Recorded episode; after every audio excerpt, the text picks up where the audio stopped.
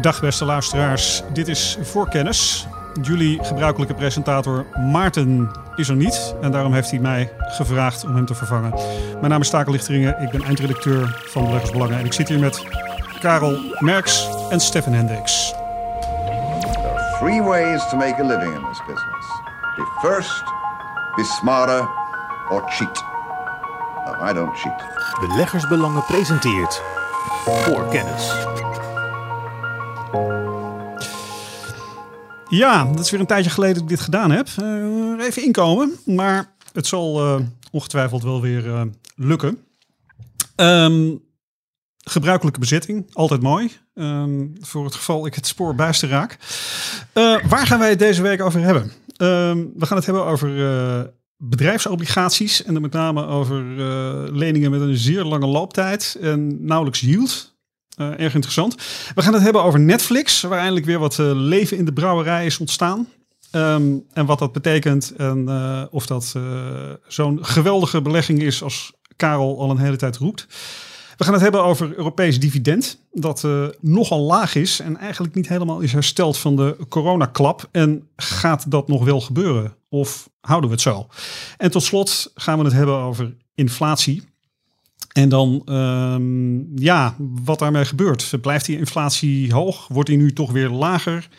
Uh, Karel die heeft er deze week een mooie column over gehad. En um, genoeg reden om het over dit onderwerp te hebben. Want uh, Stefan die heeft er ook nog wel wat over op te merken. Maar voordat we dat gaan doen, gaan we het eerst hebben over uh, de afgelopen week. En waar Stefan en Karel naar gekeken hebben en waar ze over geschreven hebben. Stefan, mag ik met jou beginnen? Hoe zag jouw week eruit? Nou, ik heb uh, natuurlijk gekeken, uh, taken naar waar ik de vorige week op vooruit zou blikken. Dus dat was de, uh, de RD-dag, zoals het zo mooi heet, van Roche en de productintroducties van Apple.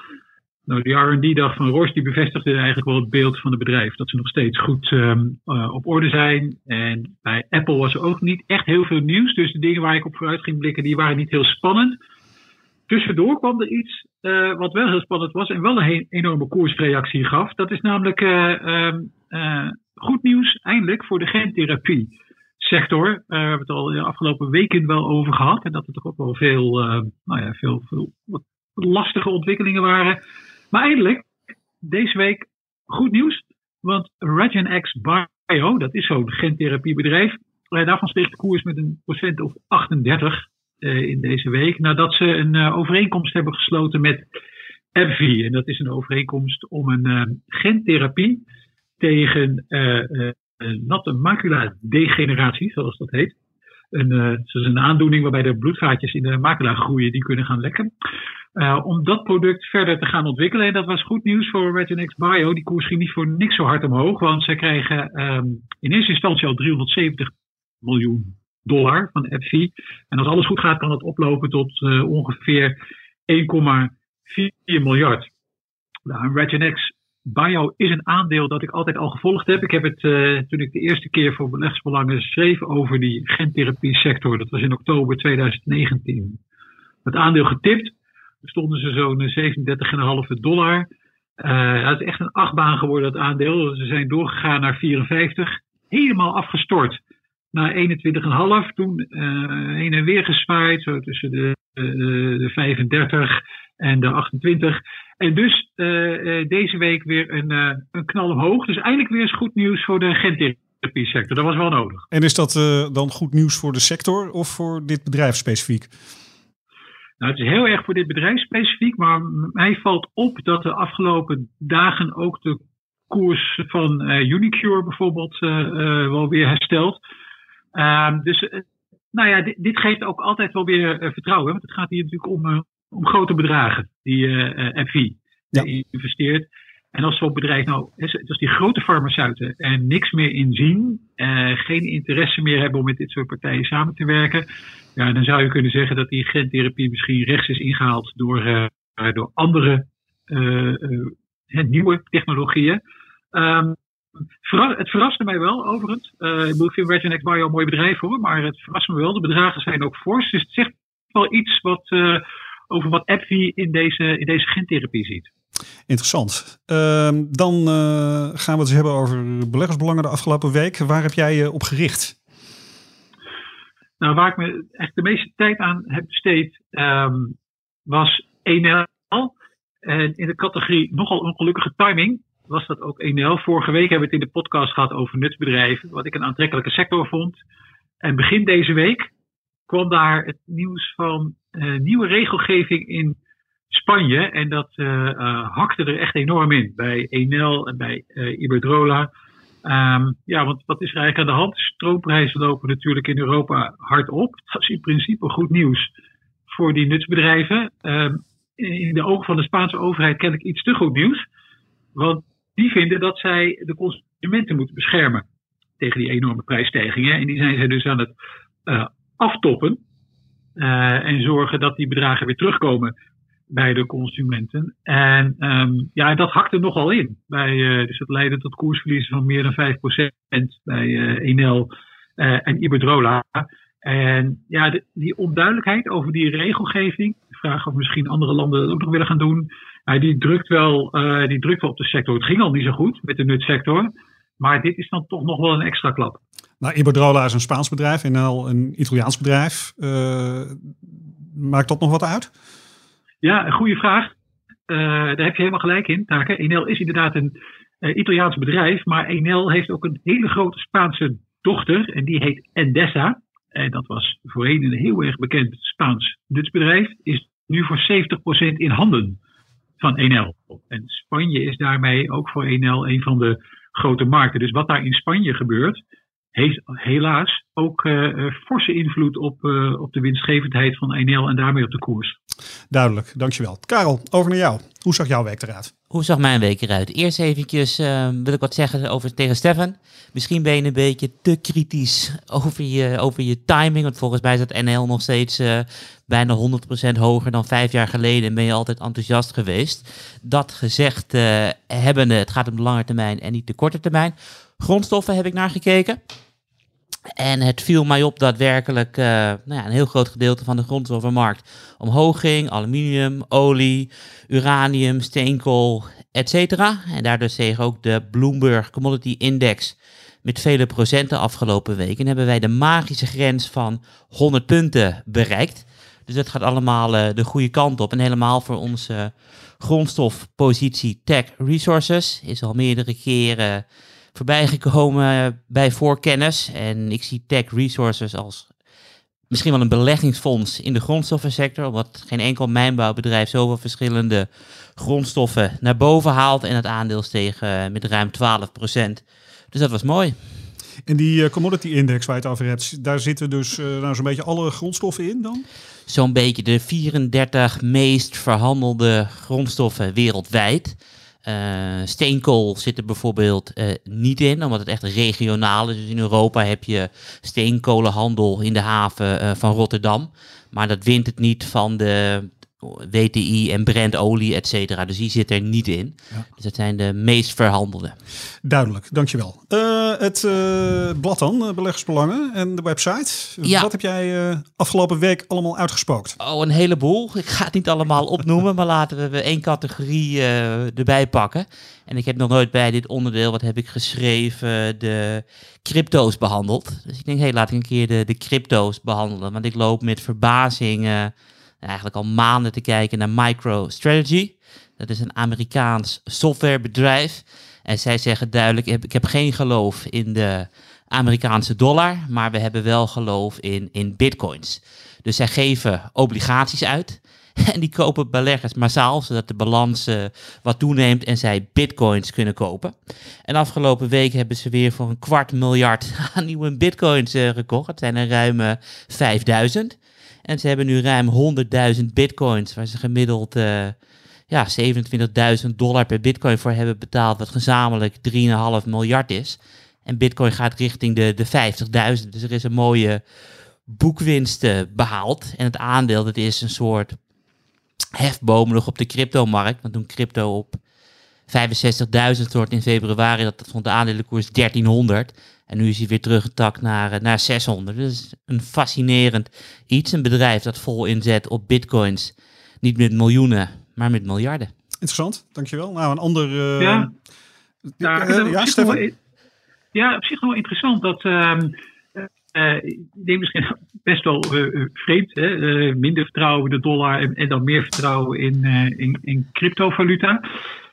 Deze week ontving ik een, een rapport van Deutsche Bank. Dat is een van de rapporten waar ik altijd naar uitkijk. dat rapport heet de Long Term Asset Return Study. Nou, dat klinkt heel erg uh, saai, maar is het niet, want daarin brengt de Duitse bankstratege meneer Jim Reed, een hele interessante man, allerlei ontwikkelingen op de financiële markten in kaart. En één daarvan, en dat was op zich wel grappig, omdat kader nu over begint, was het, um, het thema van fiat currency. Hè? Dus, dus het, geld eigenlijk wat we nu hebben, dat we dat volkomen vanzelfsprekend vinden. Maar hij plaatste dat in een heel erg lang historisch perspectief. En zei, nou ja, zo vanzelfsprekend is dat eigenlijk niet. Hè. Uh, pas na de Bretton Woods kun je zeggen dat we het op deze manier hebben. Um, en eigenlijk ook nog pas na 1971 kun je zeggen dat we het helemaal los hebben gekoppeld van goud. Dus hij zei, het is misschien helemaal niet zo gek dat, dat, het in, dat, wij, dat wij het nog gaan meemaken. Dat we misschien een ander monetair regime gaan krijgen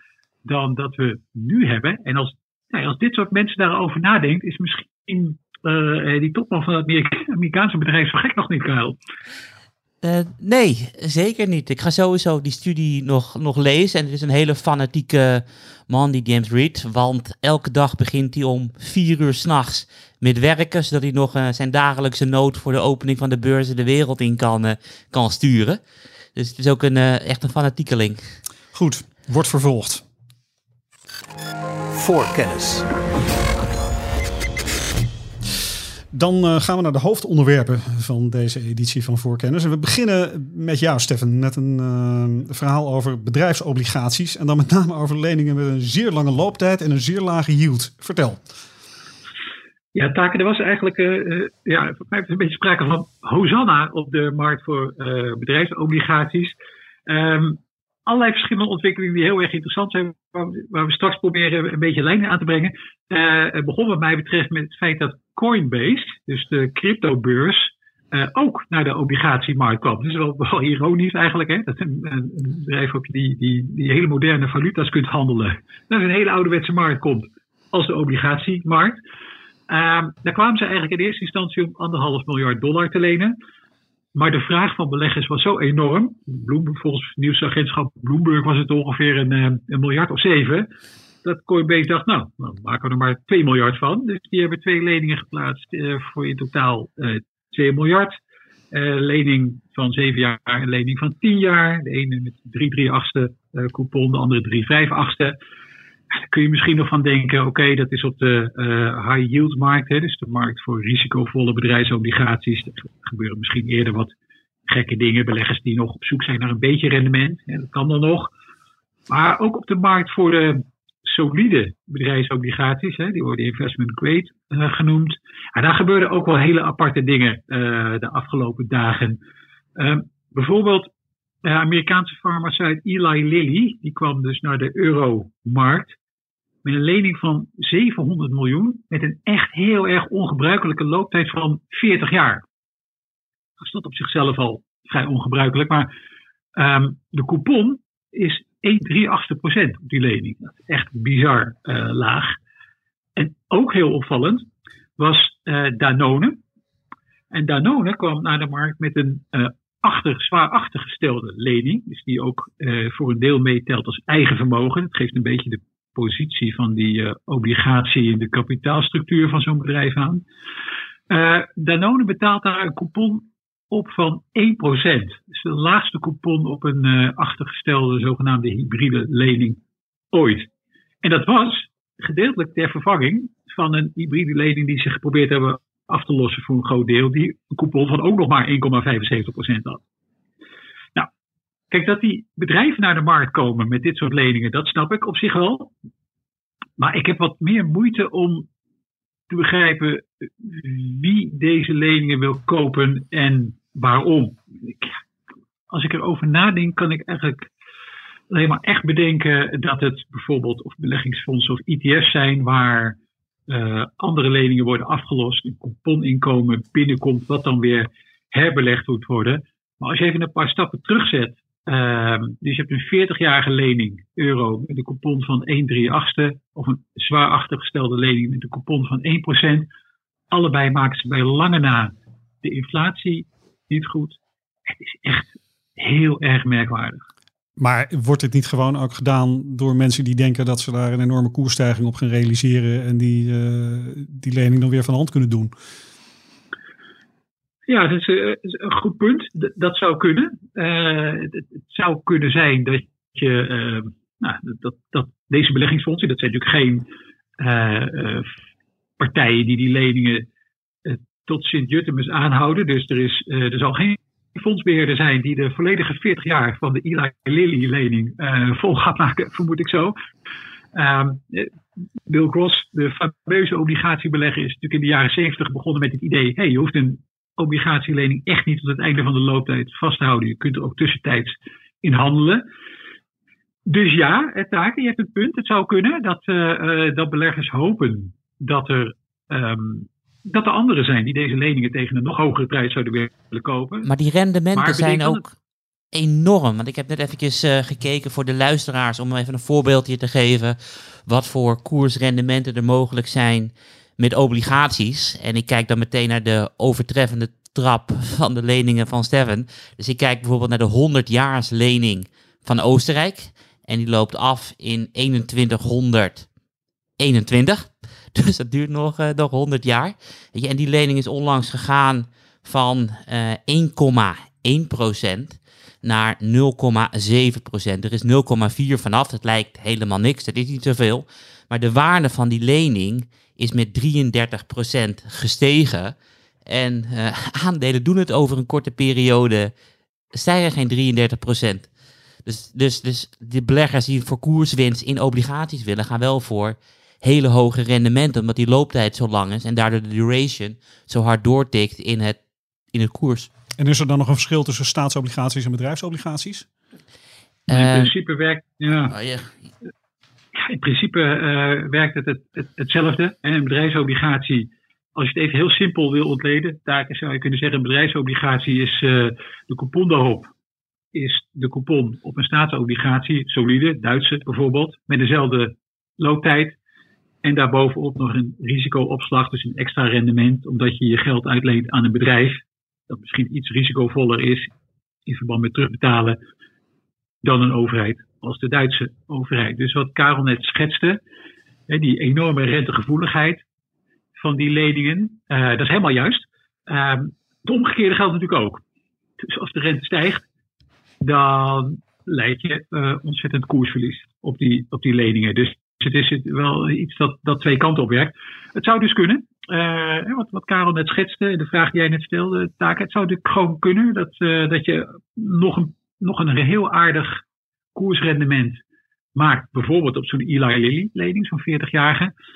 Maar dan wordt de situatie in mijn optiek eigenlijk alleen maar gekker van. Hè? Want dat, als jij nu die lening met koerswinst kunt verkopen, dat betekent dat het effectief rendement omlaag gaat. Hè? Dus dan betekent dat, dat degene die die lening koopt tegen een hogere prijs, nog minder krijgt Ja.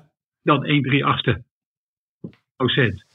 Dus die moet ook weer iets, die moet dat dan ook weer gaan verkopen aan iemand anders die ook weer zo'n eh, gedachte heeft. Dus het, is, eh, het, het blijft een, het blijft een merkwaardige eh, situatie. Laat ik zeggen, Taken, dat ik meer begrip heb voor de bedrijven die deze leningen uitgeven op dit moment dan voor beleggers die ze eh, misschien wel moeten kopen.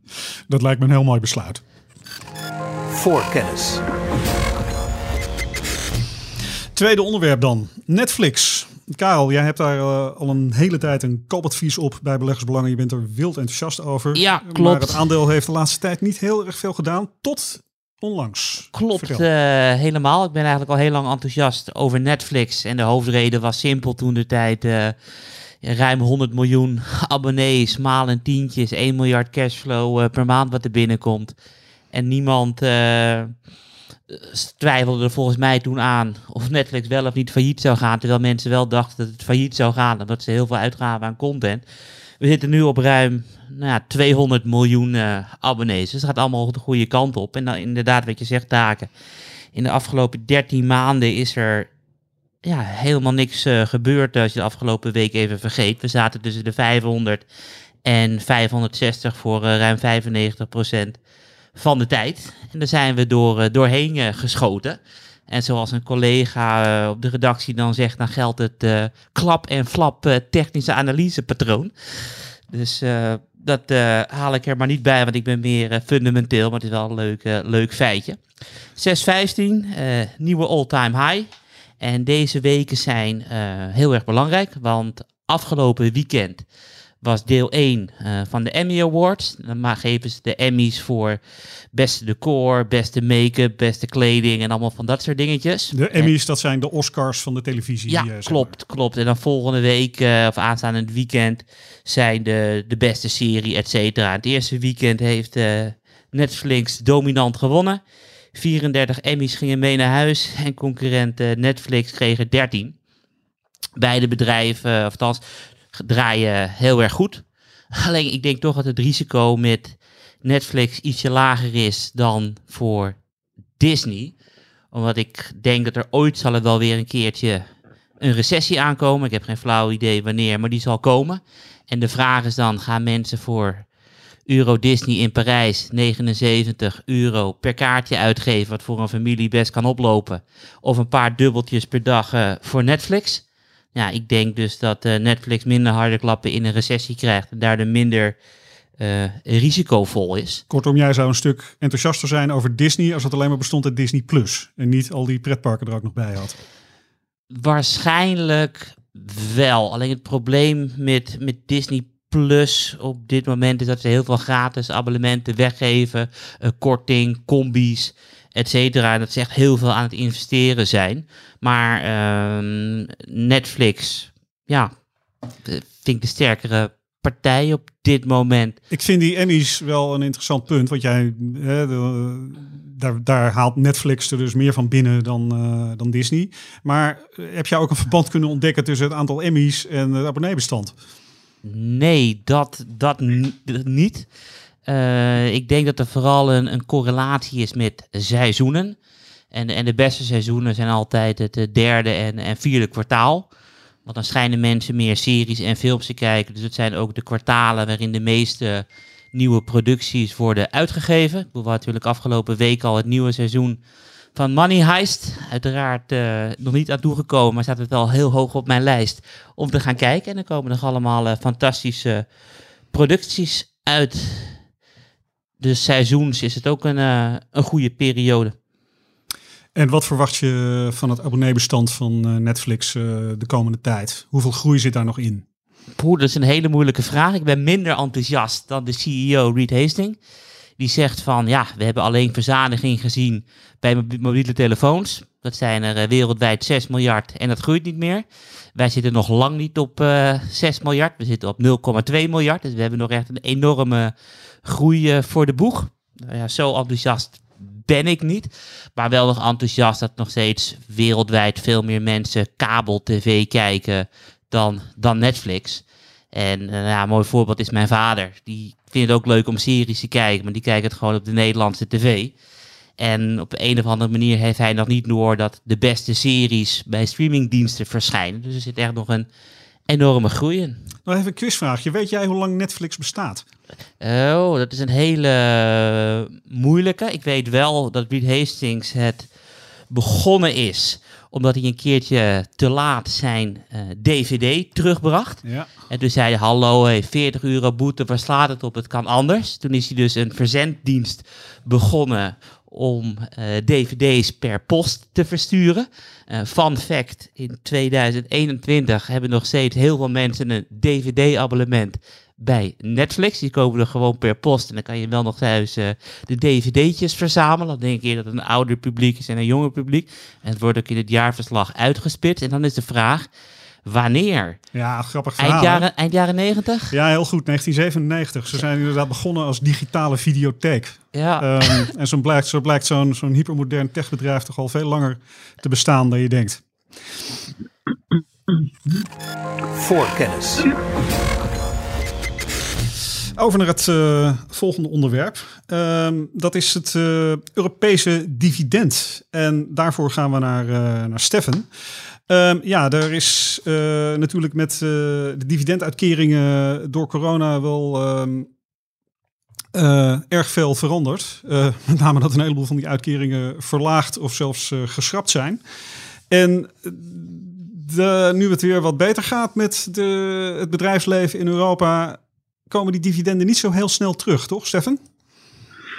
Nou, wat er taak aan de hand is, is wel iets, iets interessants. Dus als je even kijkt, grofweg tussen 2010 en 2019 lag het dividendrendement van de brede Europese aandelenindex, dus eh, zoiets als de Stoxx 600-index, dat is een voorbeeld van zo'n aandelenindex, lag zeg maar ergens tussen de 3,3 en de 4 procent. Dus dat was ongeveer het dividendinkomen wat je met uh, Europese aandelen kon behalen. Maar inmiddels, uh, en dat is opmerkelijk, ligt het dividendrendement op die index zo rond de 2,5 procent. En de dividend futures geven voor de komende tijd ook een beetje dat niveau van 2,5% aan. Nou, dat heeft natuurlijk allemaal verschillende uh, oorzaken en, en, trouwens ook uh, consequenties voor beleggers, waar we straks nog wel op terugkomen. Een van de oorzaken is natuurlijk wat je al terecht zegt. Nog niet alle dividenden zijn terug, zullen we maar zeggen, op het pre-corona niveau. Terwijl de koersen uh, wel weer hard zijn opgelopen. Nou, dat betekent dat uh, als je dividend deelt door de koers, dividend loopt niet zo hard op, de koers wel, dan zakt het dividendrendement automatisch wel terug, natuurlijk. Maar er is op zich wel ergens iets interessants aan de hand, want die Europese bedrijven hebben wel heel veel cash op de balans. En dat is, dat is natuurlijk niet zo gek, want tijdens die coronacrisis zijn natuurlijk een heleboel bedrijven naar de markt gekomen of naar een bank gegaan om zoveel mogelijk cash op de balans hebben voor het geval dat. Dus wat je nu ziet is dat de verhouding tussen cash en totale activa op de balans van Europese bedrijven, die ligt op het uh, hoogste niveau van de afgelopen 20 jaar. Nou, wanbetalingen op leningen zijn laag. De verhouding tussen netto schuldpositie en beurswaarde, uh, die is laag. Dus op zich is het, ja, zou je zeggen, die, die Europese bedrijven staan er goed voor. En volgens een rapport van de Franse bank Société Générale willen die Europese bedrijven misschien ook echt wel weer wat met dat geld doen. Maar dan is het een beetje de vraag welke bestemming. En volgens deze bank, eh, die natuurlijk heel veel contact heeft met dit soort bedrijven, lijken die Europese bedrijven nu, mede gevoed eigenlijk door die coronacrisis, steeds wat meer te neigen naar aandeleninkoop Um, en later misschien ook nog fusies en overnames en investeringen. Boven uh, dividendgroei. En een van de redenen daarvoor is, is dat um, ja, aandeleninkoop is natuurlijk een wat flexibeler uitkeringsprogramma. Dat zet je wat makkelijker stop of verminder je wat makkelijker zonder gezichtsverlies. Een dividendverlaging of het schrappen van een dividend is echt een grote klap voor beleggers. Bij die aandeleninkoop werkt dat, uh, werkt dat net iets anders natuurlijk. Ja, er bestaan geen buyback aristocrats. Uh, nee, en, die, en dat is allemaal. Hè, Europa was natuurlijk ook altijd een continent waarin beleggers natuurlijk dat inkomen, hè, waarde hechten aan, dat, aan dat inkomen. Um, buybacks wat meer Amerikaans fenomeen. Heeft natuurlijk ook allerlei uh, fiscale redenen hè, waarom, het, uh, uh, waarom die buybacks er zitten. En misschien ook nog wel beloningstechnische redenen. Hè, als, je, als je beloning van de, top gekoppeld is aan de ontwikkeling van de koers. Nou ja, dan is het misschien niet onhandig ook om wat grootschaliger eigen aandelen in te kopen om die koers op, op peil te houden. Maar het is, het is in ieder geval wel apart. Dus ik ben ontzettend benieuwd naar de komende dividend aankondigingen. Want um, ja, taak zoals je weet hebben wij een, uh, bij beleggsbelang een hoog dividendportefeuille. En ons doel is om een dividendinkomen van minimaal 4% uh, te behalen. Nou, ik heb alle berekeningen nog eens gedaan. Wij zitten ongeveer nu op 4,4%. Het klinkt op zich gewoon mooi, maar het dwingt ons wel als, als hoogdividendbeleggers echt op bepaalde sectoren. Dus, dus het, relatief grote belangen in nuts, olie en gas en telecom. het zijn niet echt super populaire uh, sectoren. En als ik, ik hou in, in ons Bloomberg systeem een, een, scherm, zoals dat dan heet, bij, waarin ik voortdurend op zoek ben naar um, aandelen die dividendrendement hebben van ergens tussen de 3 en de 7 procent. Uh, een redelijke schuldratio van minder dan 3,5. Dus de verhouding tussen netto schuldpositie en, eh, en, en EBITDA, dus zeg maar operationele eh, winst. Ehm, en een beurswaarde van meer dan 2 miljard. En ook als ik iedere keer bekijk ik dat scherm om ook te kijken of ik misschien nog wijzigingen in de portefeuille moet doorvoeren. En ook daar uh, komen al diezelfde sectoren maar weer omhoog. Dus het is als, als dividendbelegger, als hoogdividendbelegger, ook niet zo, niet zo makkelijk. Dus ik ben heel erg benieuwd naar of bepaalde bedrijven hun dividend weer gaan aanpassen. Aperam bijvoorbeeld zit in de hoogdividendportefeuille. Ja, die keren nog iedere keer hetzelfde uit, terwijl de situatie is echt volkomen anders dan een jaar geleden. Dus ik ben uh, uh, zeker ook met dit rapport in het achterhoofd uh, heel erg benieuwd waar die Europese bedrijven nou naartoe gaan. Of het inderdaad een kleine verschuiving komt of een grotere verschuiving in de richting van die aandeleninkoop. Of dat we toch vasthouden aan een soort van traditionele Europese waarde, om maar zo te zeggen, van meer dividend. Waardoor dat dividendrendement de komende maanden jaren weer wat kan gaan stijgen van het huidige niveau. Ja. Stefan, kijk je ook naar het trackrecord van bedrijven, hoe zij aandelen inkopen? Want sommige bedrijven als Arcelor, die geven dan uh, uh, aandelen uit op, uh, op 8. En dan worden ze op 8 uitgegeven en dan gaan ze op 28 gaan ze, ze weer inkopen. Kijk je ook naar dat soort track records? Of kijk je meer van, hé, hey, wat is de huidige situatie van het bedrijf en dat track record maakt op zich niet zoveel uit met inkopen van eigen aandelen? Uh, dat is wel een, goede vraag. Dan doe ik eerst even nog een klein zijstapje, uh, uh, Karel. Dat mag. Voor de, voor de komende tijd kijk ik heel erg naar de prioriteiten van het management. dus, dus wat wordt er gecommuniceerd met ons aandeelhouders? Is het, luister, we gaan het dividend wel weer verhogen of we, we verschuiven inderdaad onze prioriteit een klein beetje van dividendverhoging naar aandelen inkopen, gaan die, die niks wat anders doen. Nou, dat, dat is iets waar ik de komende maanden uh, op gelet. Iedere keer als bedrijven aankondigingen doen over dat dividend. En dat zullen we natuurlijk heel erg zien als de jaarcijfers gepubliceerd worden. Ja, dan wat dat track record betreft, Karel. Ja, het track record voor de meeste bedrijven is natuurlijk niet super. Uh, en dat is ergens ook wel begrijpelijk. Want um, ja, wanneer kun je de, voor de grootste bedragen eigenlijk aandelen in gaan kopen? Dat is wanneer het goed gaat met het bedrijf. Wanneer het goed gaat met het bedrijf, er dus veel cash binnenkomt, uh, gaat het meestal ook al uh, goed met de koers en ook goed met de waardering van het aandeel. Dus je koopt iedere keer tegen uh, hogere koersen je aandelen in. Dat is meestal uh, niet heel erg gunstig. Er was ook al research verschenen dat ja, voor die cash die de Amerikaanse bedrijven nu op de balans hebben staan, dat ze eigenlijk veel minder aandelen in kunnen kopen natuurlijk dan een, een aantal maanden geleden. Dus dat blijft altijd een risico. De timing van, van, die, van die aandelen inkoop. Nou goed, jij, Karel, weet als geen ander dat um, Warren Buffett natuurlijk daar een bepaalde maatstaf voor heeft. Vind ik mijn eigen aandeel nog goedkoop? Dat is eigenlijk, hè, of, de meest aantrekkelijke belegging. Dat is een vraag die natuurlijk het uh, management zich heel erg serieus zou moeten stellen. Als je het eigen aandeel eigenlijk al veel te duur vindt, dan kun je misschien beter je geld uitkeren als dividend. In plaats van aandelen in te kopen. Maar die, die overwegingen, behalve bij Berkshire, hoor ik bij niet zo heel veel andere bedrijven eerlijk gezegd. En zelfs Berkshire is aan het opschuiven. Want hij heeft altijd gezegd, wanneer de verhouding koers-boekwaarde onder de 1,2 is, is het goedkoop, kunt u het aandeel kopen.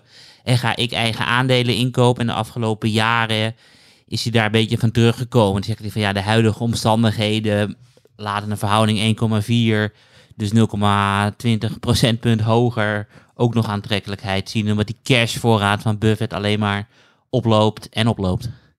Ja, en dat is een goed punt, hè, Karel? Want dat is, kijk, die, die cash op de balans, het is toch een beetje af en toe voor bedrijven die als geld dat in je zakken brandt. En op een gegeven moment komt ook een vraag van beleggers: ja, wat ben je nu eigenlijk mee van plan? Uitkeren aan de houders, wil je andere bedrijven over gaan nemen? Je ziet ook wel dat uh, overnames ook alweer hard aan het uh, stijgen zijn. Of wil je aandelen inkopen? Dus discipline bij het management over wat gaan we nou eigenlijk precies doen met de cash die we op de balans hebben en de cash die we genereren met activiteiten is wel van belang. Ja, en als zelfs, uh, Karel, een partij als Berkshire al langzaam maar zeker een beetje verschuift, dan zie je dus ook wel dat, dat, dat die kennelijk de behoefte voelen om iets met die cash te doen, maar misschien nog niet voldoende aantrekkelijke overnamekandidaten zien en dan maar um, op iets hogere niveau zijn eigen aandelen inkopen. Het is op zich wel interessant. Dus ik kijk de komende um, maanden heel erg uit naar um, nou ja, naar de prioriteit van het management met betrekking tot waar gaat onze cash naartoe. En denk je nou dat er na, hè, met corona echt een, uh, een trendbreuk is opgetreden? Dat die, die niveaus van het Europese dividend van vroeger, dat die echt niet meer gehaald gaan worden? Nou, daar, daar zijn wel wat signalen voor. Um, ik denk dat voor heel veel bedrijven het wel echt natuurlijk als een ongelofelijke schok gekomen is. En je maakt dat als topman mee. En dat, dat zal wel een bepaalde uh, psychische schade bij, uh, bij de CEO's van die bedrijven hebben veroorzaakt. Want het is natuurlijk wel even schrikken als in één keer je bedrijfsmodel helemaal instort. Dus misschien worden die bedrijven wat voorzichtiger. Aan de andere kant, het, um, de, de corporate memory, zoals de Amerikanen dat zo mooi zeggen, is ook weer niet zo lang dat ik, ik denk nou dat er een totale omslag plaatsvindt. Maar voor die Europese bedrijven is het met name wel interessant. Voor Amerikaanse bedrijven, die hebben altijd wel die, eh, prioriteit gehad van en dividend, uh, goed handhaven of licht laten groeien. En altijd, of bijna altijd, die aandelen inkopen als tweede instrument erbij. Uh, ik ben er gewoon heel erg benieuwd en ik vermoed dat Europese bedrijven misschien ook een klein beetje die kant op zullen gaan schuiven. Is trouwens de, in, in Europa, de, stelt de status van dividendaristocraat nog iets voor bij, uh, bij bedrijven? in Amerika is dat natuurlijk voor sommige bedrijven heel belangrijk. Nee, in Europa moet je eerlijk zeggen, je bent, en dan moet ik even goed nadenken, in Europa volgens mij al volgens uh, Standard Poor's, de, een van de partijen die dit soort indices samenstelt, volgens mij al een dividendaristocraat als je tien jaar lang het dividend minimaal hebt gehandhaafd of hebt verhoogd. Karel, toch? Tien jaar is de grens. Ja, klopt. Dus op het moment dat jij twee keer het dividend verhoogt en acht keer gelijk houdt, dan ben je een aristocrat.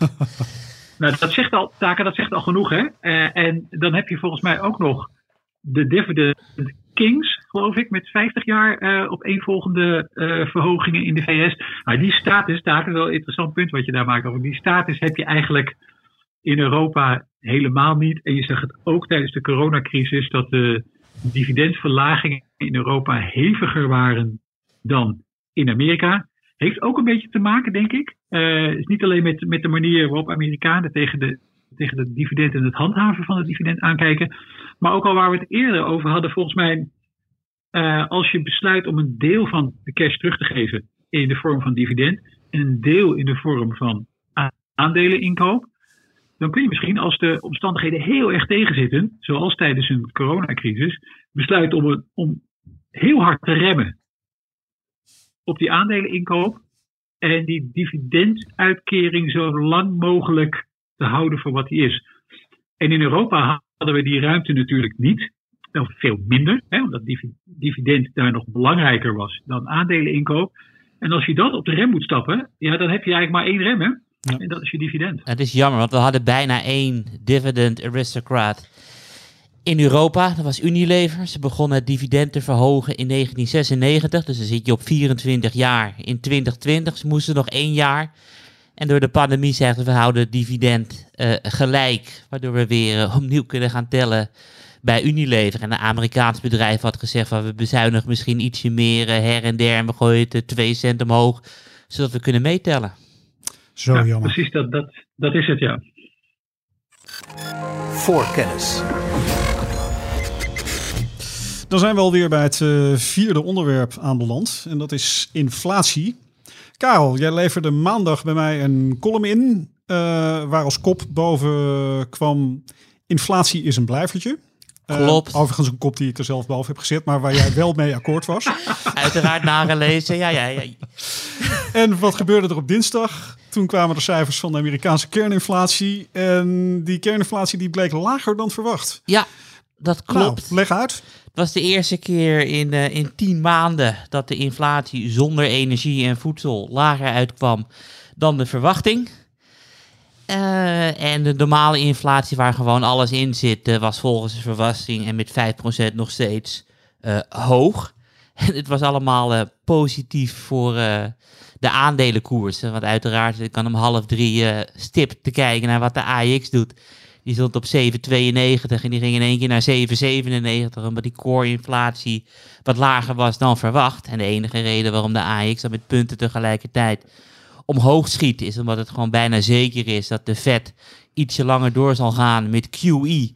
En QE was de, een van de belangrijkste drijfveren samen met aandeleninkoop van de afgelopen 13 jaar voor de aandelenmarkt. En daardoor wisten we ook de dag daarna op woensdag eh, de 800 punten te bereiken. En inflatie is een, een saai onderdeel of onderwerp, vinden heel veel mensen. Ik vind het juist bijster interessant, omdat inflatie een van de belangrijkste drijfveren is voor waarderingen. En in de afgelopen 120 jaar zijn de waarderingen van aandelen altijd naar beneden gegaan. Op het moment dat de inflatie structureel eh, boven de 4% uitkwam. En de vraag is: van, ja, is het nog steeds tijdelijk deze inflatie? Met geloof ik al de vierde maand op rij van eh 5% of meer. Of is het een, eh, een blijvertje? En persoonlijk denk ik dat het eh, een, een blijvertje is wat ik in mijn column heb geschreven. Maar ik ben heel nieuwsgierig hoe Stefan hier tegenaan kijkt. Want echt een heleboel podcastjes geleden zei Stefan van ja, ik wil het een keer een hele uitzending over inflatie gaan hebben. Want er gebeuren wel, wel dingen die bespreekbaar zijn. Dus eh, mijn vraag aan Stefan is, hoe kijk jij nu aan eh, tegen het onderwerp inflatie? Nou, een van de merkwaardige dingen, eh Karel, aan de inflatieontwikkeling van de afgelopen maanden is dat de lange rente, laten we maar even Amerika nu als uitgangspunt nemen, maar dat de lange rente er eigenlijk niet heel erg op reageert. Maar gesproken zou je denken, als je inflatiecijfers ziet, die we nu hebben gezien, maand op maand, of ze nu wel of niet ietsje mee of tegenvallen, eh, dat die rente eigenlijk veel hoger zou zijn. Ja, dat, dan, dan ga je toch nadenken over wat is daar nu aan de hand? Is dat niet een hele gekke relatie? Wat zegt dat eigenlijk over, eh, over de vorm van inflatie? Het beste wat ik maar daarbij kan bedenken is dat die ehm, inflatie nu ook heel erg wordt veroorzaakt door eh, problemen in de toeleveranciersketen, hè, de sup- supply chain, zoals dat dan zo mooi wordt genoemd. En dat is inflatie eh, die eigenlijk eh, negatief is voor de groei, die, die een drukkend effect heeft op, ehm, eh, op de groei. En dat zou wel een beetje kunnen verklaren waarom die lange rente daar misschien niet zo heel erg heftig op reageert. Dat zou weer betekenen dat, ehm, dat die inflatie misschien toch van tijdelijker aard is dan we zouden denken. Ehm, maar het is ook een onvoorstelbaar moeilijk onderwerp. En ik las daar in de Financial Times gisteren nog, geloof ik, nog een artikel over. Waarin iemand zei: Volgens mij is inflatie een van de macro-economische ehm, eh, signalen waar de grootste misses in worden gemaakt. En het is, het is heel, heel erg lastig. Voor mijn gevoel zijn er heel veel tijdelijke eh, factoren in en is de onderliggende economische groei niet zo sterk. En is er meer een, iets wat lijkt op stagflatie. Dus er is wel eh, inflatie, maar we groeien eigenlijk niet mee. Dat zou wel ja, een, helemaal een slechte ontwikkeling zijn. Klopt, dan gaan, maar alleen het lastige is natuurlijk, van Daimler zei vorige week of die week daarvoor, dat er een kans is dat de chiptekorten in de auto-industrie zullen aanhouden tot ver in 2023. Dus betekent dit dat wij dan twee jaar moeten wachten voordat we wat duidelijkheid hebben over hoe het met de supply chains gaat? Want ik bedoel, ik volg het ook op de voet en ik zie overal wel die problemen. Want deze week kwam ook de haven van Los Angeles. Die publiceert da dagelijks data met hoeveel containers er op schepen voor de kusten van LA liggen. En op dit moment zijn het er eh, 750.000 containers. En voor de pandemie werden er maandelijks 750.000 containers uh, gelost. En die problemen lijken alleen maar erger te worden. Nou, die, die Daimler is wel een interessant eh, eh, voorbeeld, eh, Karel. Dat, dat zet je ook alweer aan het denken. Al- Als ik naar die, eh, eh, naar die grote Duitse autobouwers kijk, eh, eigenlijk met name eh, BMW en Daimler, wat ik, wat ik daarvan hoort, eh, en, in mindere mate ook, nou, niet zo heel veel minder zelfs, ook Volkswagen, is dat omdat je die ehm, eh, chips natuurlijk nog maar één keer kan gebruiken, want je kunt ze niet zelf kopiëren in een andere auto stoppen, zie je dat die Duitse autobouwers die chips dus gebruiken voor ehm, hun duurdere modellen. Dus die marges van die autobouwers, die gingen ook en gaan heel erg omhoog. Niet dat het, dat het verkocht volume als een dol omhoog gaat, maar het, het wordt gebruikt voor het, nu meer voor het topsegment. Dat betekent dat, er, dat de vraag eh, aan, de, aan de onderkant niet echt voldaan kan worden. Dat, dat, dat die modellen er misschien ook niet zijn. En dat dus maar de middenklasses en, eh, en auto's die eronder zitten, eh, gewoon niet, niet, op dit moment niet gevraagd en niet verkocht worden. Dus misschien is het ook alleen een verschuiving waar die autobouwers nu nog even eh, plezier van hebben. Eh, maar wil het niet zeggen dat de prijzen eh, over een hele brede markt omhoog gaan. Maar misschien alleen in, in, dat, in dat premium segment. Dus ik vind het zelf een, eh, ehm, een extreem lastig onderwerp. Omdat ja, ik, ik heel erg het gevoel heb dat dingen tijdelijk zijn. Maar je hebt een punt, Karel. Hoe langer iets tijdelijk is, hoe minder ik vol kan houden dat het tijdelijk is. Nou ja, de jaren zeventig was natuurlijk ook een tijdelijke periode, want het was daarna ook weer weg. Dus eh, ik geloof dat de Fed ook al in de wandelgangen gezegd heeft dat het spijt heeft, van de opmerking transitory. En dat ze het beter narrow hadden kunnen noemen. Dus gewoon inflatie in een, een segment en niet overal. Alleen, ehm, het is heel erg interessant wat jij zegt. Want we zien ook op dit moment dat de surprise index, dus de verwachting van de Amerikaanse economie van analisten en de economische cijfers zelf. Die index staat op min 61. Dus wat jij ook zegt, van er, vindt wat afkoeling plaats. En misschien moeten we juist eh, ons pas gaan zorgen maken om inflatie op het moment dat die surprise index weer positief wordt en alles eh, op gang komt. Ja, het is, je ja sorry, daar Nee, ga je gang. Nee. Nou, ik wil eigenlijk zeggen eh, dat eh, ehm, die combinatie van, eh, als we een combinatie zouden hebben van afnemende groei en toch nog aanhoudend hogere, misschien nog niet eens hoger, maar hogere inflatie, nou, is dat gewoon geen prettig economisch klimaat. En moet je maar ook weer eens even kijken welke bedrijven dan de zogeheten pricing power hebben om zo'n situatie door te gaan. Dus bij die, die autobouwers kunnen misschien nog zeggen, nou ja, we hebben eh, de, de duurdere modellen. En die, die dure modellen hebben we gewoon pricing power. Dus op het moment dat we daar de prijs omhoog gooien, kan dat. Misschien kan een Apple dat ook voor zijn telefoons en horloges. Ehm, maar ik heb kort geleden ook nog een rapport gelezen over bijvoorbeeld de bierbrouwers. Eh, en ja, daar wordt dan gezegd, die zijn waarschijnlijk niet in staat om alle kostenverhogingen door te berekenen aan de consument, de eindgebruiker. Dus het gaat straks ook voor de aandelenmarkt, denk ik, eh, spelen. Welke bedrijven hebben nu inderdaad de macht om die eh, prijzen door te berekenen?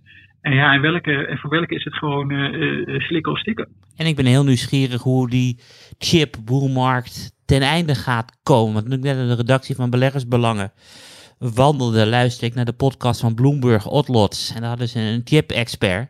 En die heeft contact met bedrijven die eh, die chips bestellen. En bedrijven bestellen dan 100 chips. En die krijgen er dan eh 8 of 9. Dus dan doen ze het volgende kwartaal. Ze betellen, bestellen 1500 chips.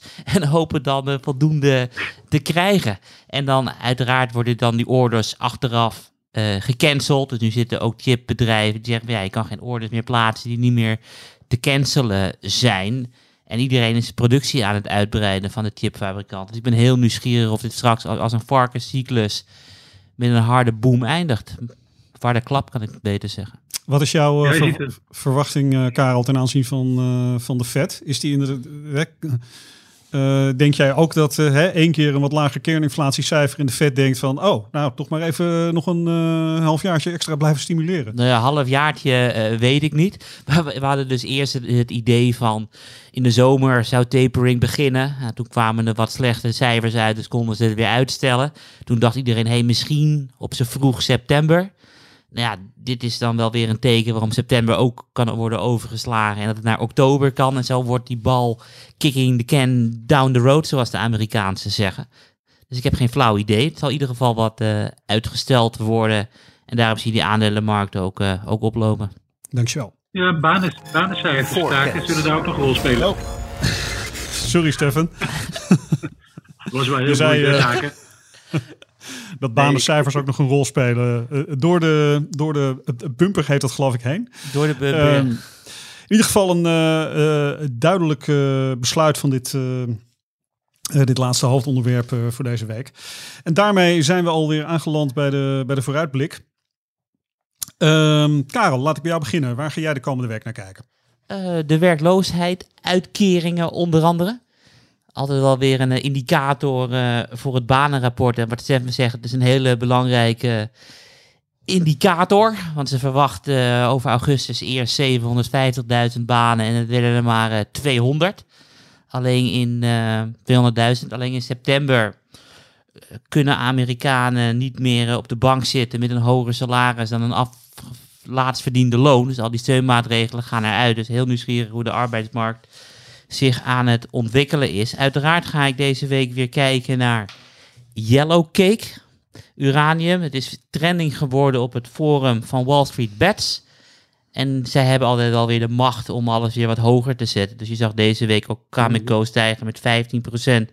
Ik ben nieuwsgierig wat er uh, de komende week gaat gebeuren. En uiteraard zit ik dit weekend klaar voor de Emmy Awards. Gaat Netflix ook dit weekend uh, domineren. Nog even die, die uranium. Wat zit daarachter, achter die, uh, die beweging? De uh, Sprott, dat is een bekende partij waarbij je kan beleggingen kan kopen fysiek in edelmetalen. Zij hebben het voor elkaar gekregen om met een partner uranium te mogen opslaan. Dus er vindt nu uh, een, een ja, haasje over plaats van uranium stijgt. Mensen kopen fysiek uranium bij Sprott. Uh, mensen, uraniumprijs stijgt verder. Er wordt meer fysiek uranium gekocht bij Sprott. En zo verdwijnt er heel veel uranium van de markt op een tempo wat overeenkomt met twee keer de jaarlijkse uraniumproductie. Dus nu moeten mijnen, als kerncentrales, een beetje moeite doen om nog uranium te krijgen. Nou, dan gaat die prijs omhoog. Alleen ja. we zijn dus afgelopen drie weken gestegen van 30 naar 45. En ter vergelijking, we stonden 80 vlak voor de ramp in uh, Fukushima. En we stonden 150 uh, in de vorige commodity supercycle. En, en, ik denk dat er wel wat landen overzag zullen gaan om, om kerncentrales te bouwen. Want je ziet nu ook die koolprijzen uh, ja, meer dagen wel oplopen dan niet. En we zijn alweer 150% hoger en we willen van steenkool af. Dus, uh, dus uranium gaat voorlopig nog niet door het putje? Ik denk het niet. Uh. Of er moet een, uh, een ramp gebeuren dan, uh, met Fukushima, dan heb je een probleem. Uh, maar Karel, wat ik me afvraag, ik word altijd zo nerveus als iets bijna gekaapt lijkt te worden door die Wall Street bed types. dan kan het werkelijk alle kanten op gaan. Hoe, hoe, kijk jij daar tegenaan? Je bent natuurlijk best wel enthousiast over die beleggingen. Het is hartstikke goed uitgepakt, maar nou, hoe, nu verder? Als het opeens, je hebt toch het idee dat, het, dat zo'n belegging dan in een ander universum terechtkomt. Klopt, en ze hebben uh, twee soorten uh, beleggingen die ze, ze achteraan kunnen gaan. Je hebt één, heb je de zilverbelegging. Dat is slecht uitgepakt, omdat op het moment dat je zilverprijs omhoog gooit, dan gaan mensen een tafel zilver verkopen. komt er opeens steeds meer zilver op de markt. Dus dat heeft niet gewerkt. En een andere soort is dat je een kleine markt pakt, als bijvoorbeeld GameStop. Dat is dan via 5 naar 10 naar 600 gegaan. Maar ja, het hangt nog steeds op uh, eh, 200. GameStop heeft aandelen uitgegeven en het bedrijf is fundamenteel uh, veranderd door die cash die er door de Wall Street Bets is ingepompt en de aandelen die zij hebben uitgegeven. En de vraag is een beetje van hoe ver gaat het? Ze hebben het pas deze week opgepakt. Kijk, en het lastige is als ze uranium naar 60, 70 duwen, wat moet je er dan mee? Dus dat is iets wat ik de komende tijd ga besluiten. Alleen de uraniumprijs zie ik wel nog als laag, omdat heel veel partijen hebben gezegd van ja, uraniummijnbouwproducenten moet ik zeggen, zolang de prijs onder de 50 is, gaan wij onze mijn niet opstarten. Dus je hebt, je hebt twee grote partijen, Uraniummarkt, Cameco en Kazazaprom. En zij zeggen, ja, de uraniumprijs is zo laag dat zij ook uranium kopen van andere mijnbouwers, zodat ze hun eigen voorraden niet hoeven aan te spreken. Dus nu maak ik me niet zoveel zorgen, want ik bedoel die 15% van de afgelopen week valt er wel mee. Maar als het veel verder gaat, dan moet ik er even goed over nadenken wat ik met mijn adviezen ga doen. Duidelijk. Stefan, um, over naar jou. Waar ga jij uh, komende week naar kijken?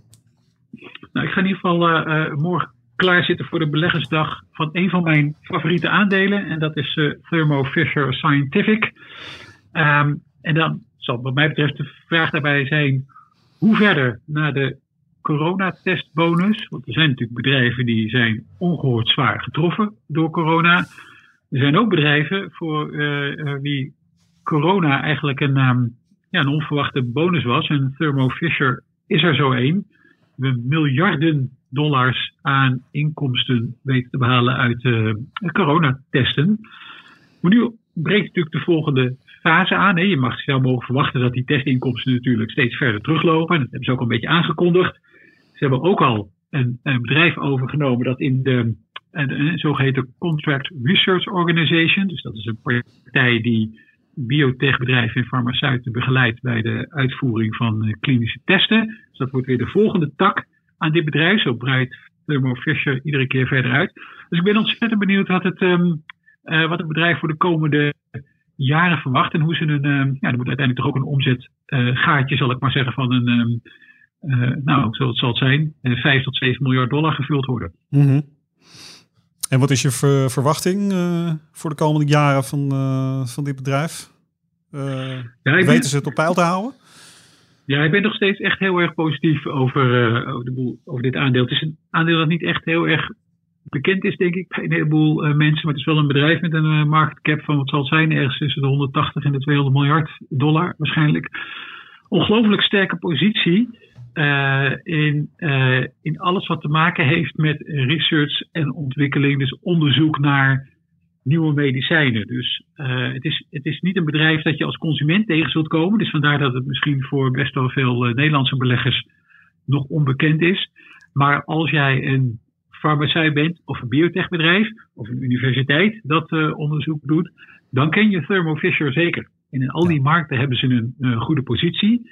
En het idee om dat nog uit te breiden met die begeleiding van die klinische testen, ja, het, het, lijkt mij een, een zinnige poot uh, aan dat bedrijf wat daaraan toegevoegd wordt. Want ook dat is een markt die heel erg hard groeit en die ook, waar, waar ook de zaken wat complexer worden.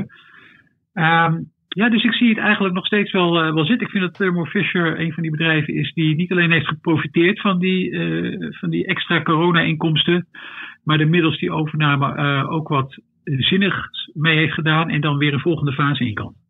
Bedrijf om in de gaten te houden. Thermo Fisher Absoluut. Scientific onthoudt die naam.